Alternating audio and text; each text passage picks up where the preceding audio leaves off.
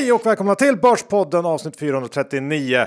Vi ska börja med vår härliga huvudsponsor Skilling, den svenskägda multi-asset tradingplattformen som fokuserat på säkerhet, snabbhet och enkelhet. Den här veckan John ska vi snacka eh, en del om Skillings fantastiska krypto CFD utbud. Och eh, vi kanske kan börja med eh, det här med eh, belåning eller leverage som det heter på engelska. Det är ett populärt sätt för traders att få hävstång i sina investeringar. Men det finns också tillfällen när man kanske inte vill använda hävstång och nu har Skilling introducerat Zero Leverage Krypto CFD konton, vilket alltså öppnar upp för att hålla sina eh, kryptoinvesteringar under en lite längre tidsperiod. Ja, det är ju så. Är man trader så kan man vara ganska aggressiv med eh, belåning eller hävstång ibland. Men vill man ligga lite längre i något eh, så måste man vara försiktigare och då passar det utmärkt att Skilling har öppnat ett sånt här konto. Ja, och Skilling har ju länge satsat hårt på just kryptomarknaden. De har massor av krypto CFDR och dessutom det kanske viktigaste är ju att de har eh, industrins nog lägsta spreadar. Spreadarna är löjligt tajta på bitcoin eh, så är det en halv dollar och eh, det här förstår ni själva eh, betyder väldigt mycket när man handlar krypto. Ja, det är A och O för en trader att eh, ha låga spreadar. Jag tycker man ska gå in på Skillings hemsida och få se med egna ögon hur fruktansvärt låga spreadarna faktiskt är. Så öppna ett konto om ni inte redan gjort det. Eh, Skilling har ju alla licenser och reglerade och det krävs bara ett BankID. De har svensk kundtjänst. Eh, inga konstigheter. Men kom ihåg 66% av retailkunder förlorar pengar när de har en CFD så besök skilling.com för en fullständig ansvarsfri skrivning och eh, att trada krypto är inte heller eh, möjligt för UK kunder. Som det säger vi stort tack till Skilling. Det är lite bäsigt där ute John, men det hindrar inte Börspodden pojkarna från att producera ännu ett avsnitt och den här veckan så går vi igenom vad som händer egentligen. Ja, faktiskt. Vi spelar in på en tisdag eftersom du och kanske ett av världshistoriens största rövgäng ska åka till Alperna. Jag ska följa det här eh, hemifrån. Nej, men vi kommer prata elpriser, vi kommer prata gråtartiklar och sen eh, händer det ju en hel del saker i många bolag som kanske är köpvärda eller inte. Svårt att veta vart börsen är på väg just nu. Ja, och lite så här pre rapportperiodssnack.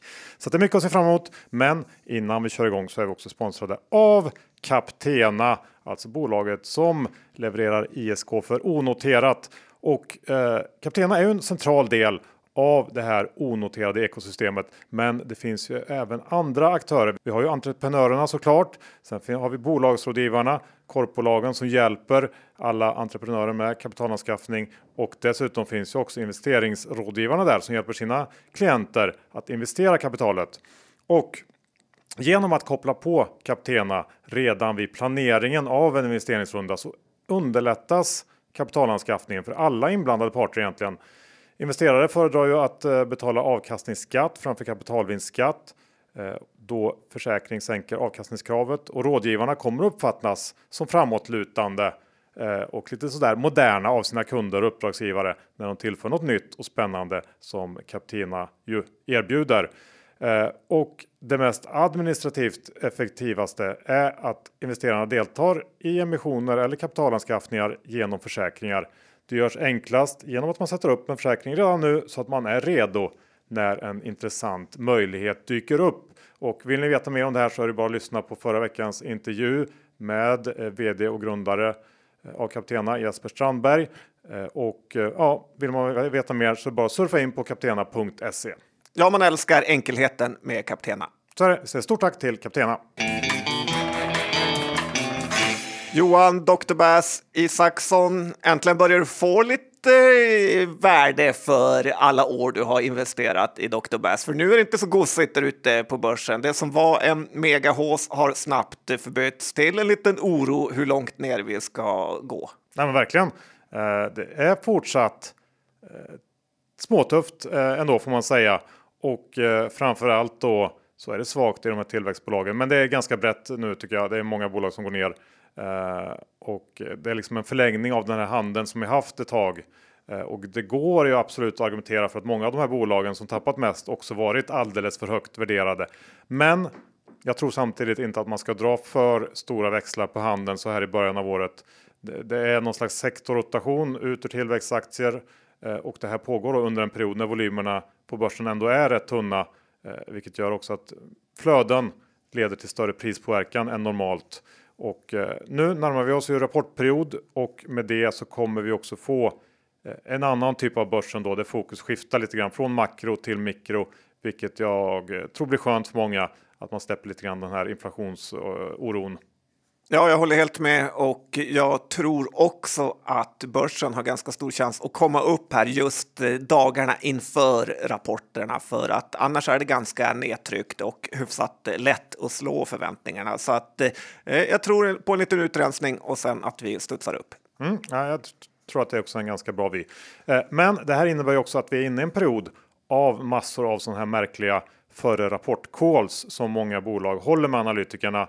Jag såg bland annat att Stillfront snart ska ha ett sånt här analytiker-call eh, och givet vilken enorm kursreaktion ett av deras calls hade förra året innan rapport så tycker jag att det är märkligt att man fortsätter med den här typen av upplägg där man bevisligen då ger en liten, liten del av marknaden tillgång till i vissa fall extremt kursdrivande eh, information. Så att sluta med det bara. Jag förstår inte varför det här ska fortgå år efter år, kvartal efter kvartal. Ja, det var också en artikel i det igår om hur eh, någon eh, förvaltare hade fått träffa 12 bolag på någon typ av pre-rapport call eh, där de hade sagt lite saker och man vet ju inte vad som sägs mellan snacket så att jag tycker de helt kan sluta med det här som du sa. Mm, bra, då har vi bestämt det.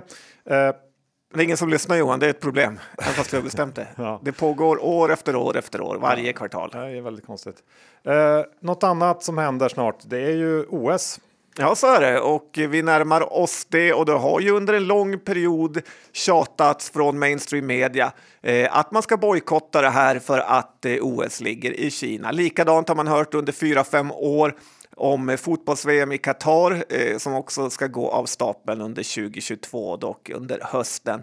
Eh, men det är så att man kräks över de här bojkotthoten. Eh, för att det är ju nästan som med plastpåseskatten. Att det är så meningslöst att man blir mörkrädd. Varför ska typ Charlotte Kalla eller någon annan idrottsperson lida eh, för den här meningslösa präktigheten? Eller varför ska en uttråkad befolkning berövas på lite hopp just för att någon vill använda OS som någon typ av fullständig meningslös statement? Det, menar man något på riktigt eh, så är det ju inte Charlotte Kalla som ska betala priset, utan då ska man ju säga till Atlas Copco eller Volvo att de helt får sluta handla med Kina. Eh, men det kommer ju ingen någonsin göra för att det skulle ju bli kännbart för Sverige på riktigt. Mitt förslag är att om man istället vill förändra något på riktigt Eh, så skulle Sverige gå ur de här genomkorrupta organisationerna som äger VM och OS eh, och delar ut de här mästerskapen eh, till de mest galna staterna. Gå ur Fifa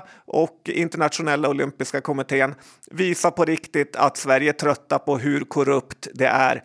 För det är här problemet ligger och inte i enskilda tävlingar. Men sådana beslut vågar ju såklart heller ingen ta och därför kommer aldrig någonsin något att hända förutom en massa gnäll.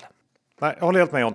Eh, I veckan såg jag att eh, Bahnhofs Johan Karlung skrev en debattartikel i Dagens Industri. Eh, läste du den? Nej. Nej, men den handlar i alla fall om det här totalt orimliga i att vi i Sverige sponsrar de största amerikanska techjättarna med skattefri el i enorma mängder med argumentet att vi bygger en ny basindustri och gör Sverige mer digitaliserat, vilket ju inte alls stämmer eftersom de här anläggningarna, stora dataserverhallar, egentligen inte skapar några arbetstillfällen alls, bortsett från kanske någon enstaka vaktmästare och finns ju bara här för att de har fått den här orimligt billiga elen. Och eh, Karlung skrev att eh, bara Microsofts, Facebooks och Amazons anläggningar i Sverige drar hela Forsmarks nettoeffekt. Jag har inte dubbelkollat det, men eh, man kan nog. Känns svårt att dubbelkolla med. Utgå ifrån att eh, det är väldigt mycket energi som Eh, de här anläggningarna drar. Och i den här kontexten tycker jag att det är intressant att fundera kring Bitcoin och den enorma kritik som Bitcoin fått ta emot för sin energiförbrukning. Eh, det är märkligt tycker jag att just Bitcoin hela tiden måste stå till svars för sin elförbrukning när man aldrig gör samma tankeövningar för någonting annat i samhället.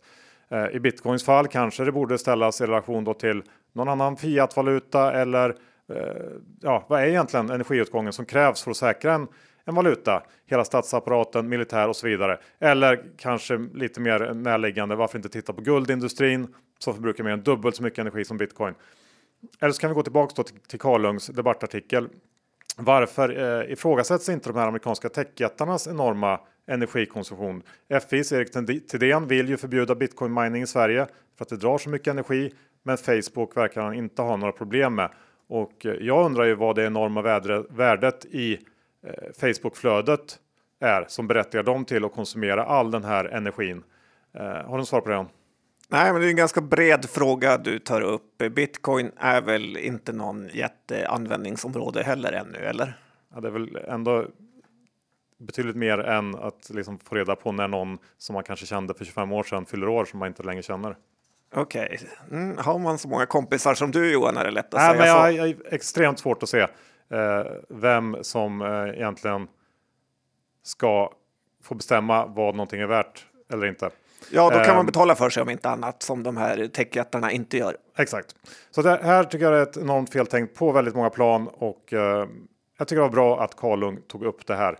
Även om han såklart också snackar i egen bok med eh, sina eh, dataserverhallar som inte får de här subventionerna för att de är för små. Men men, eh, han har rätt i saken då. Ja, men det är ett generellt stort problem att de här amerikanska megabolagen har sån enorm förhandlingsmakt med sig att de ofta får politikerna precis dit de vill. Ja, tyvärr är de eh, betydligt mer slipade än våra svenska lokalpolitiker. Men eh, vi kommer kanske in på eh, det här med vindkraft när vi ändå snackar energi och el? Ja, för jag har funderat en hel del på vindkraftsinvesteringar eftersom det är i ropet nu och jag tänker ändå att det måste vara en av de sämsta saker man kan investera i. För när det blåser mycket eh, och man kan skörda så är ju problemet att det blåser mycket för alla andra och då blir priset lågt. Eh, ibland till och med negativt som det var här under vissa delar av 2021 som är faktiskt svårt att komma ihåg nu. Eh, men sen en iskall stilla vinterdag så blåser det ingenting och priserna blir då skyhöga men då har man ingen el att eh, sälja. Eh, det är verkligen någon typ av perfekt antiinvestering eh, vindkraft. Eh, samtidigt eh, som det inte går att påverka någonting utan man får helt förlita sig på väder och vind så att säga. Och det brukar faktiskt inte vara en bra strategi. Dessutom så moderniseras ju de här vindkraftverken hela tiden. Så efter bara några år så har det kommit nya modeller som är effektivare och då tjänar man ännu mindre. Eh, visst, man kan titta på Slite Vind på börsen som ändå gått helt helt okej. Okay. Eh, från kanske 75 till 90 nu, men då ska man ju komma ihåg att det ju varit extremt goda möjligheter för dem med deras redan klara vindkraftverk i södra Sverige att skörda nu under en period. Och med det inräknat så är det ju inte direkt någon explosion i den här aktiekursen. Nej, nej, eh, jag håller med. Det är problematiskt för vindkraften att eh, det helt enkelt ser ut så här. Eh, så det är väl ingenting som jag heller är superintresserad av. Eh, om vi ska gå tillbaks till den lite småbäsiga börsen John, så har eh, detta då producerat eh, ganska mycket så kallade gråtartiklar. Ja, verkligen. Och det är om folk som har förlorat Eh, alla sina pengar på börsen och vanliga journalister vill då likställa börsen med ett kasino eh, och andra spelsajter. Och är det något jag inte har någon som helst eh, sympati för så är det den här typen av sensationsartiklar. För det är ju världens äldsta sanning att aggressiv spekulation på finansmarknaderna är som ett turbokasino där enormt mycket mer framgångsrika människor än typ Urban 44 i Trollhättan har förlorat eh, 80 000 på att ta tips från olika nätforum. Eh, jag tror att jag har läst nästan alla de här artiklarna och det är alltid samma typ av person eh, som är med tidigare spelberoende, beroende av droger eller sponken och allt annat och nu har de fastnat för börsen. Och det är ju den här legenden Jesse Livermore som har sagt lite översatt då att eh, plånböckerna byts ut, förlorarna byts ut, aktierna byts ut, men Wall Street never changes för att den mänskliga faktorn eh, förändras aldrig. Och även om Shekarabi säkert eh, eh, snart vill in här och reglera på något sätt så tycker jag att han får lugna sig med det. Eh, för det är ju nästan en mänsklig rättighet att eh, eh få jaga efter snabba klipp tycker jag. Och eh, eh, ni vet ju vad man brukar säga att man bara behöver bli rik en gång. Så bara för att man har späckat bort sig en gång behöver man inte bryta ihop och ringa Aftonbladet. För att det är bara att göra som Per Elof, bryta ihop och komma tillbaka. Ja, men så är det verkligen. Och någonstans måste vi komma tillbaks till det här att man får faktiskt ta ett eget ansvar för det man gör. Eh, det kanske glöms bort lite väl ofta i dagens samhälle. Ja, Urban 44, steppa upp nu. Ja, kom igen nu. Urban. Mm, behövs. Du, eh, när du är inne på det här så vill du snacka ISK av någon outgrundlig anledning för det känns tråkigt. Men du kanske har någon kul twist på det? Ja, men det är tråkigt Johan. Eh, måste vara tråkigt för att ha kul också, som ens mamma sa. Ett av mina favoritcitat från Charlie M är ju att konsekvenserna har konsekvenser. Jag tror man ska tänka på det lite extra innan man ändrar det här med ISK. Eh, för tittar man på USA som har ganska hög skatt på aktievinster så har det kommit fram att väldigt många istället för att sälja sina aktier eh, så belånar man dem och använder då belåningen för att köpa saker. Eh, och så var det ju faktiskt i Sverige förut. Eh, det är bra i uppgång, men det är ju katastrofalt i en långvarig nedgång och eh, kanske anledningen till att eh, så många aktier är i USA faktiskt är extremt eh, volatila. Då är ISK-lösningen ändå fantastiskt. Att man slipper all inlåsningseffekt. Behöver man pengarna kan man sälja utan att behöva skatta bort en stor del. Och en positiv grej för staten är att det är faktiskt nästan helt omöjligt att fuska dessutom. Eh, man kan såklart debattera om vad skatten ska vara här, eh, men i huvudsak är ju den som kom på ISK-kontot ett geni. Och Johan, jag har för mig att eh, Claes Hemberg är lite småsugen på att ta kredden för den. Mm, det ska han nog akta sig för tror jag. Um, ja, men jag tycker du har poänger här. Man kanske kan säga att uh, ISK-skatten är någon slags uh, skattens motsvarighet till kärnkraft. Alltså en stabil basskatt som man också kan planera ifrån statens håll och vet vad den blir. Det är inte den här mer volatila då, eh, vindkraftselen eh, som kan vara lite hur som helst om man då skulle ha, gå tillbaka till det gamla systemet med vinst, eh, skatt och förlustavdrag. Så att eh, det finns en poäng också i den här planerbarheten som ISK medför. Vi är denna vecka sponsrade av Klients kapitalförvaltning. Johan, det är en grej jag tänkt på. Om du fick sätta upp din drömfond, hur skulle den se ut? Oj, oj, eh, ja, du, jag vet inte riktigt. Eh, du får hjälpa mig. Ja, men kul att du vill ha min hjälp Johan, inte ofta, men då börjar jag. Det ska ju självklart vara svenska aktier, eh, världens bästa börs. Ja, och sen så vill man väl ha ett krav på att det ska vara riktigt små bolag, så vi sätter en gräns här på typ max 8 miljarder i bolagsstorlek. Då tvingar man ju förvaltaren till riktigt bra jaktmarker. Ja, man vill investera i de här små kvalitetsbolagen med riktigt bra tillväxt. Koncentrerad portfölj känns också givet, typ 30-35 bolag och väldigt aktiv förvaltad, typ 90% active share. Ja, och sen vill man ju att förvaltaren ska ha ett riktigt bra track record så man är säker på att han vet vad han pysslar med. Varför pekar du på dig själv John? Mm, det gör jag inte Johan. Glöm, nej, glöm det. Det måste vara en riktig förvaltare. Så jag väljer Carl Sundblad från Klients kapitalförvaltning. Ja, men det är jag med på. Carl är ju onekligen väldigt vass. Det har vi pratat mycket om i den här podden. Och sen är det väldigt smart att göra fonden månadshandlad så inte massa flöden påverkar avkastningen. Men vet du vad John? Den här fonden finns redan. Klients Microcap har ju allt det här. Ja, och det är vi väldigt glada för. Så gå in på kliens.se och kolla upp Kliens Microcap. Det här är alltså lillebror till Klients småbolag som överträffat index fem år i rad. Och passa också på att prenumerera på deras nyhetsbrev så ni kan följa Klients alla åtta fonder och ta del av deras marknadskommentarer. Men kom ihåg, historisk avkastning är en garanti för framtida avkastning. Pengar som placeras i fonder kan både öka och minska i värde och det är inte säkert att få tillbaka hela det insatta kapitalet. Vi säger stort tack till Klients kapitalförvaltning. Vi är den vecka sponsrade av privata affärer som guidar dig genom prognoserna John. Ja, det gör de. 2022 lovar jag bli ett spännande börsår med både orosmoln och vinstregn på horisonten. Och Sveriges ledande privatekonomiska magasin Privata Affärer ger dig experttips och oberoende konkreta råd om aktier, fonder och sparande. Och John, just nu får då alla Börspodden-lyssnare möjligheten att teckna sig för sex nummer av Privata Affärer för endast 299 kronor. Och i det här erbjudandet så ingår även två nummer av Placeringsguiden som är Sveriges största börstidning för köpstarka och aktiva placerare. Låter det här intressant, vilket det bör göra, både du och jag John prenumererar på den här tidningen, så kan man beställa på privataaffärer.se snedstreck januari 22 i ett ord. Alltså privataaffärer.se snedstreck januari 22. Det räcker med en enda bra affär eller tips eller något överhuvudtaget som är intressant så är det värt det här. Och jag kan säga det får man flera gånger om tycker jag. Håller helt med John. Så med det säger vi stort tack till Privata Affärer. John, rapportperioden ligger runt hörnet och då vet vi ju alla att det är vinstvarningsperiod. Den senaste veckan så har det trillat in ett gäng. Jag har tittat på några av dem så jag tänker att vi tar eh, dem lite löpande här under andra delen. Men eh, jag eh, ska börja med en, en vanlig vinstvarning för det har kommit både vanliga och omvända.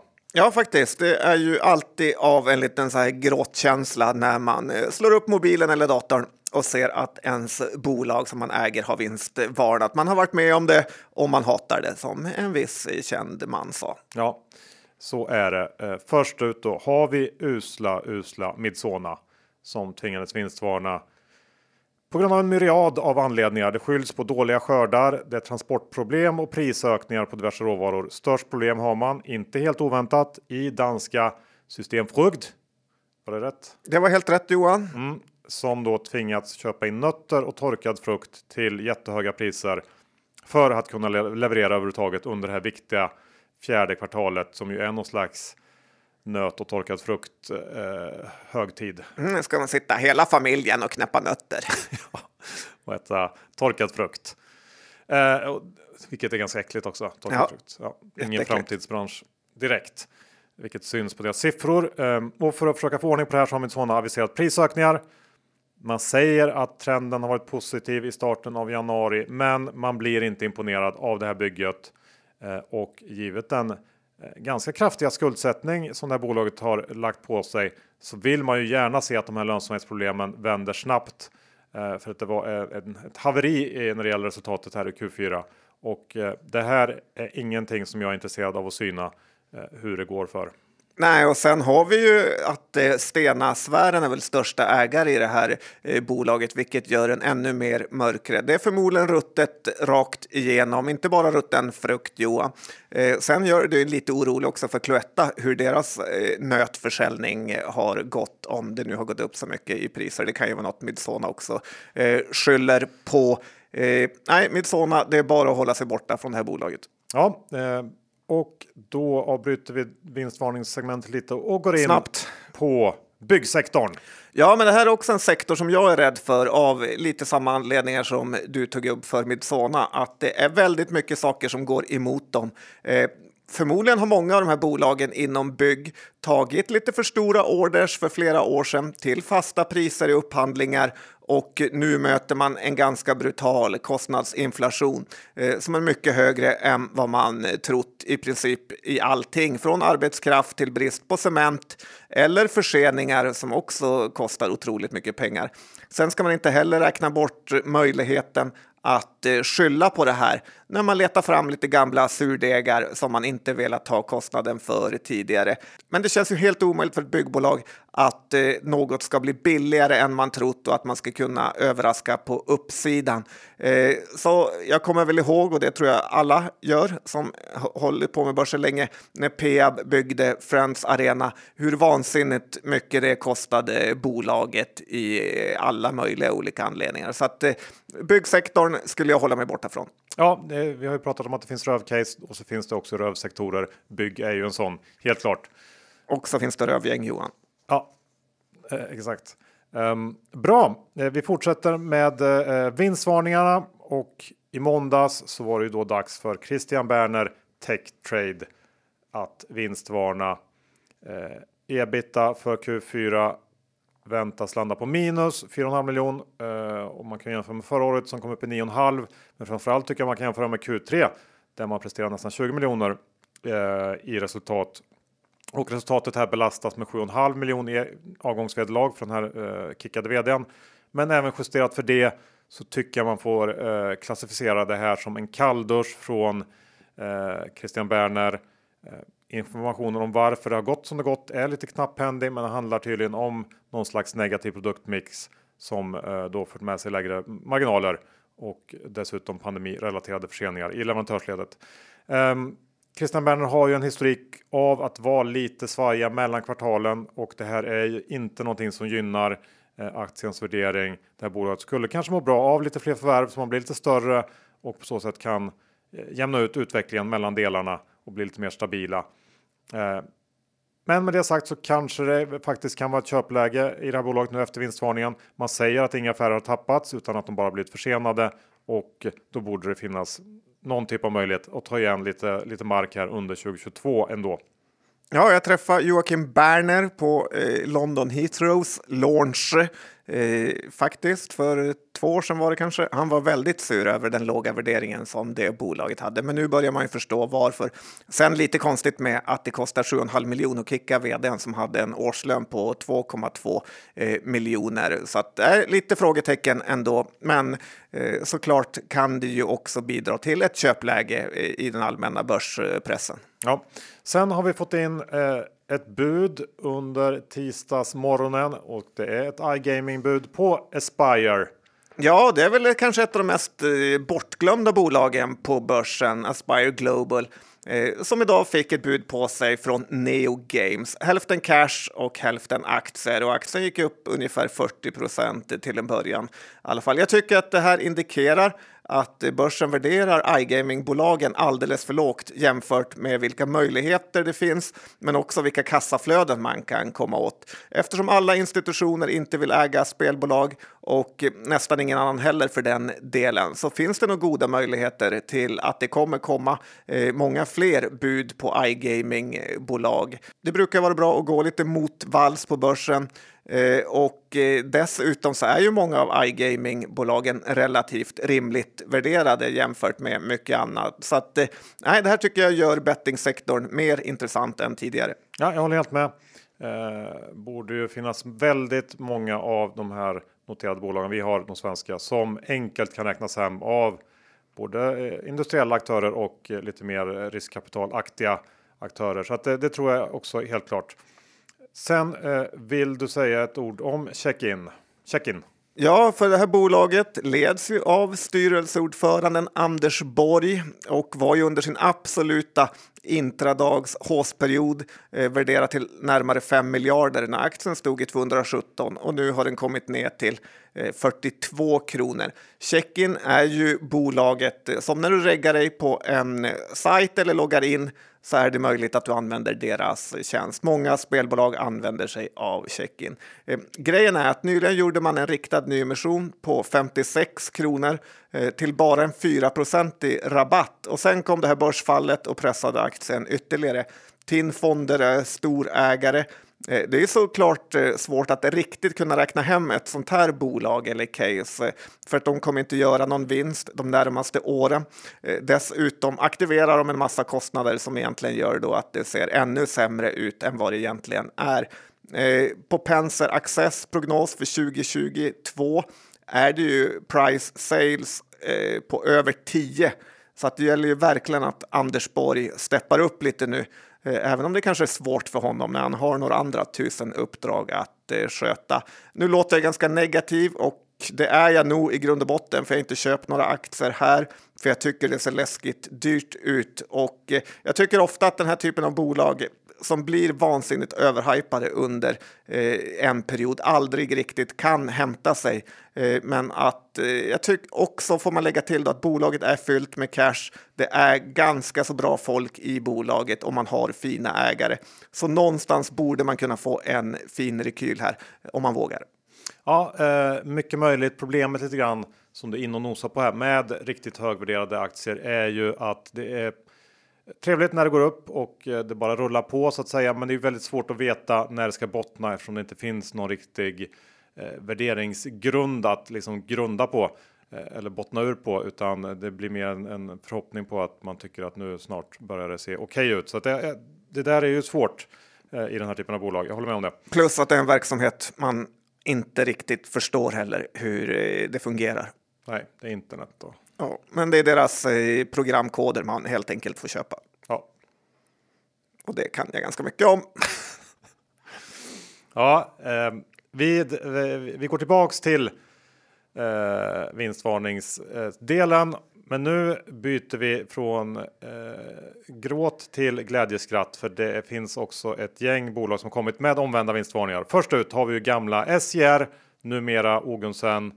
Eh, de har släppt en omvänd vinstvarning och efter ett tufft 2020 så är man tillbaks, visar fin tillväxt, presterar marginaler i linje med tidigare toppår och utvecklingen under Q4 var extra stark. Eh, man växte 35% och eh, levererade 13% nästan i rörelsemarginal och det är väldigt, väldigt högt. Det går nog nästan inte för det här bolaget att prestera så mycket bättre. Det egna finansiella målet ligger på minst 10 på årsbasis. Ehm, men med det här sagt så går nog Ogunsson in i en lite lugnare period nu under 2022. Den här enkla återhämtningen är avklarad.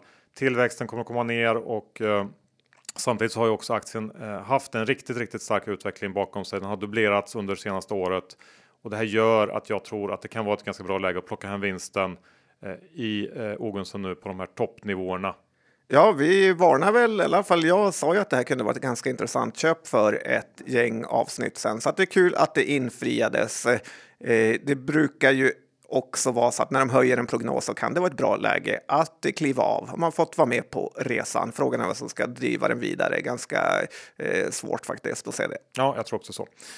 Eh, nu går vi över till ett bolag som vi inte pratar så ofta om. Sedana. Senast var kanske när vi hade Bengt Julander med oss i podden. Ja, men precis, och det är lite det jag tänker återkoppla till här. Eh, Sedana är ju den här förnyaren inom nedsövning eh, på patienter. Då. De har haft en tuff period i och med att eh, vi har sett den här minikraschen av högvärderade bolag samt att eh, eh lite av en omikron-besvikelse att eh, man inte verkar behöva så många eh, IVA-patienter som man kanske först eh, trodde här, att det inte behövs lika många nedsövningar. Ja, vad trist. Ja, faktiskt för de aktieägarna kanske skönt att slippa hamna i sjukhusängen. Men eh, tittar man på aktien då så har ju den tappat eh, från över 100 ner till eh, just över 70 här och Eh, om jag förstod Bengt Julander rätt eh, så är ju caset i Sedana att man väntar på att deras produkt ska bli godkänd i USA så att den gigantiska marknaden där öppnar sig och det är då det kommer bli det riktiga pengaregnet. Kanske ska man passa på nu och plocka på sig lite Sedana-aktier eh, här, för det här är väl ändå något som man kan säga är lite av ett brus. Eh, visst eh, har säkert corona till, varit eh, bra för Sedana eh, i stort, men det är inte här huvudattraktionen med aktien ligger. Så att, jag tycker man ska hålla koll på Sedana, för ju mer tiden löper, desto närmare är man ett USA-godkännande förhoppningsvis. Ja, men det är en bra poäng. det här är ju ett bra läge för den långsiktige som vill ha den här typen av exponering. Varför inte kliva in nu? Absolut. en till omvänd. Vill du ha det? Gärna kul att spela lite glädje så här när börsen är ner eh, mer än 2 eh, Jo, det var ju då eh, faktiskt Diadrom som kom med en omvänd vinstvarning här i veckan. Jag var ju på Diadrom om du kommer ihåg det i höstas. Ja, jag såg att du fick cred på Twitter till och med. För deras lite väl lättvindiga sätt att ta till vinstvarningen som verktyg. Jag tror att man då hade vinstvarnat eller kommit med omvänd vinstvarning inför de senaste åtta kvartalsrapporterna och i veckan fortsatte de då på inslagen eh, väg med ny vinstvarning den nionde då i rad. Eh, omvänd va? En omvänd ja. Och eh, nu räknar man med att eh, rörelseresultatet under Q4 kommer landa i intervallet 4 till 4,3 miljoner jämfört med 2 förra året. Och jag tror också att bolaget har lyssnat på vår eh, eller mina vinstvarningssynpunkter eh, för de la till ett stycke i det här pressmeddelandet där de då försöker motivera eh, varför vinstvarningen släpps. Och då skriver de bland annat att eh, bedömningen är att resultatet ökar med 100 115% jämfört med motsvarande period och resultatet är väsentligt högre än tidigare kvartal under året. Dessutom det högsta resultatet för det fjärde kvartalet i bolagets historia så ser bolaget att det är rimligt att gå ut med denna omvända vinstvarning. Ehm, bra tycker jag ändå. Och den här gången så måste jag säga att jag tycker att det eh, var motiverat med en omvänd vinstvarning Eh, för första gången på länge. Och tittar man på helåret så kommer Diadrom göra runt 9 miljoner. Börsvärdet är väl 110-115 miljoner. Sitter på en liten nettokassa. Eh, om de kan bygga vidare på den här starka avslutningen av 2021 så eh, kan det här vara hyfsat spännande. Men man ska med sig att det här är ett litet, litet bolag. där det svänger kraftigt mellan kvartalen. Men jag måste ändå ge dem beröm här att de tog till sig. Ja, men det är som alla relationer Johan. Kommunikationen är det viktigaste och det verkar du och Deadron byggt upp nu. Eh, väldigt litet bolag, men jag hoppas att de kan lyckas för det har varit många småbolag som inte riktigt kunnat ta det här klivet till att bli ett midcap-bolag. Ja. Sen har vi Truecaller som du på något sätt fått någon hang-up på. Nej, men det är väl mer att jag insett hur ond finansbranschen är. Så tycker jag man kan titta på Carnegies agerande i Truecaller hur man först gör en placing från H-vetet som vi pratade om i förra veckans avsnitt. Alltså efter att aktien tappat hur mycket som helst på bara några dagar så eh, gör man en placing och skickar ut den lite ännu lägre. Men då kommer man också, kontrar man då några dagar senare, eh, att komma med en köprek och en höjd riktkurs faktiskt. Beställningsjobb blir inte mer uppenbara än så här känns det som och säljtrycket rakt in i den här köpreken var inte nådigt. Carnegie är ju för övrigt ute på lite halvdjupt vatten och blåsväder här får man säga efter att de blivit anklagade på Twitter och även av DI lite grann körde ju en grej att de har helt plagierat en bloggs arbete eh, och låtsat som att de själva har gjort en stor genomgång av compounders och då tagit all cred själva här. Eh, jag tycker det är återigen viktigt att poängtera att du alltid, alltid måste göra hemläxan själv.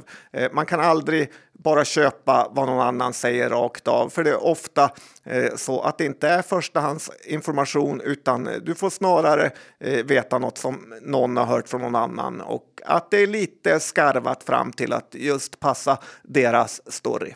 Ja, Sen vill jag ju höra en uppdatering eh, när det gäller vattendragsbolaget Minjas. Då, vad har de nu hittat på John? Tokstollarna.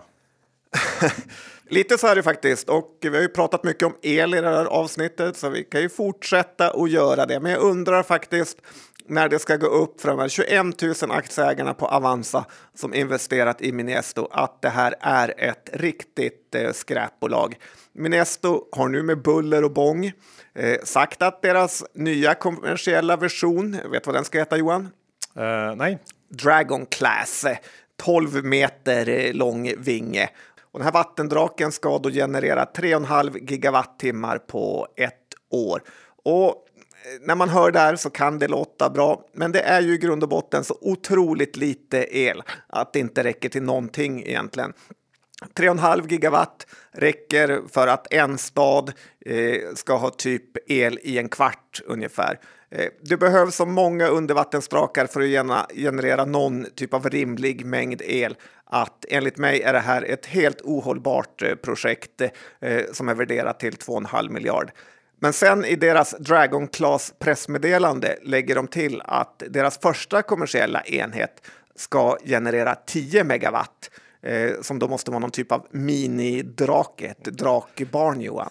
Eh, inte Dragon Class direkt. Eh, men alltså 10 megawatt, det räcker för ett hus i ett halvår.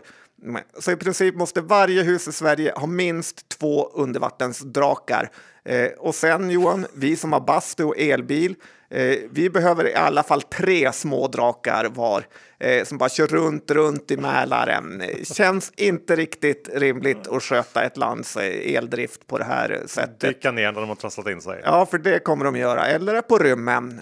Det kan vara lite läskigt när Dragon Class eh, 12 meters draken sticker iväg. Nej, men hittills har vi haft helt rätt i att dissa det här bolaget och eh, jag tror vi kommer ha det i framtiden också. Så att jag håller mig så långt borta jag kan från Minesto. Ja, det är ett extremt enkelt bett att ta eh, Disbettet på Minesto. Så är det bara. Du, vi ska avsluta den omvända vinstvarningsdelen med den kanske mest oväntade omvända vinstvarningen som kom då från MSAB under tisdagen som faktiskt slog till med en riktigt fin avslutning på året. Eh, omsättningsmässigt så borde det här eh, vara deras bästa Q4 någonsin. Jag har inte kollat, men jag tror det. Rörelsemarginalen väntas landa på 15% Här kanske man hade kunnat hoppas på att lite mer eh, rann igenom. Eh, historiskt sett så har ju högre omsättning runnit igenom rätt bra i MSAB. Jag vet inte riktigt varför det inte gör det nu, men nu har MSAB faktiskt levererat två bra rapporter i rad och kanske har Saudi, Aldin och gänget börjat få lite ordning på det här bolaget. Eh, ja, bra jobb ändå får vi säga. Ja, faktiskt. Lite cred till David Saudi som jag dissar ganska hårt på Affärsvärldens fest för hans köp av MSAB. Nu, han var inte sen med att påpeka det på Twitter kan vi säga. Nej, det var det inte. Nej, Nej. sån är han. Men det var väl rätt ändå? Ja, faktiskt. Grattis får vi säga. Ja. Det är kul att det går bra för andra, Eh, ja, det är det. sa han trovärdigt. Extremt. Eh, Men om jag, om jag ska liksom bara försöka eh, sammanfatta de här eh, vinstvarningarna och omvända vinstvarningarna så tycker jag generellt att det är svårt att dra några större slutsatser inför eh, Q4 baserat på de här då varningarna eh, som kommit in sista veckorna. En del bolag har uppenbarligen problem med vad ska man kalla det, pandemirelaterade störningar, men det bör inte vara någon överraskning för marknaden eh, och det verkar inte heller vara några jätteproblem. Och kanske kan det också vara värt att notera att det är framförallt småbolag eller egentligen bara småbolag som eh, vinstvarnat. Eh, inget storbolag vad jag kan komma på har kommit med några förhandsbesked. Eh, Nokia kanske om man räknar det och ja, Maersk. Men i övrigt ingenting som jag kom på. Och det tycker jag är, det är ovanligt. Eh, det i sig skulle kunna ändå vara en liten positiv signal givet alla potentiella härvor som bolagen ändå kunnat sätta sig i här under hösten eh, med allt från komponentbrist till fraktproblem och, och höga råvarupriser. Så att eh, uteblivna vinstvarningar är också någonting man kan ta med sig. Slut på avsnitt 439. Vi tackar vår huvudsponsor och uppmanar alla som inte har gjort det redan att öppna ett konto hos Skilling. Det är enkelt. Svensk kundtjänst, BankID är det som krävs och eh, sen så kan man trada i princip vad man vill eh, på ett väldigt smidigt sätt. Dygnet runt. Så är det. Men kom ihåg, 66 av retailkunder förlorar pengarna handlas efter det. Så besök skilling.com för en fullständig ansvarsfri skrivning. Hur är det med innehav John? Ja, det är väl inte så kul att prata om idag. Jag kan väl börja då. Jag eh, har nog inget eh, av de här innehaven eller av de här bolagen vi har pratat om. Och jag tror kanske inte att vi finns i BP-portföljen heller. Där kanske du. Eh, Nej, men det gör det inte. Jag har köpt. Den blir väl också, får vi tillägga, kanske lite mindre och mindre legendarisk för varje vecka som går. Ja, nu är den ganska olegendarisk, men eh, så är det med allt. Fortfarande lite mytomspunnen. Ja, det är den. Legendarisk inte, men mytomspunnen. Det kan vi hålla fast vid. Nej, men bra. Eh, Och jag har Sedana-aktier lite grann. Ja, det ser man. Bra, men Rädda mig eh, Bengt. Då får vi eh, tacka för att ni lyssnade. Ta det lugnt ute. Vi hörs om en vecka igen. Hej då! Det gör vi. Ha det bra.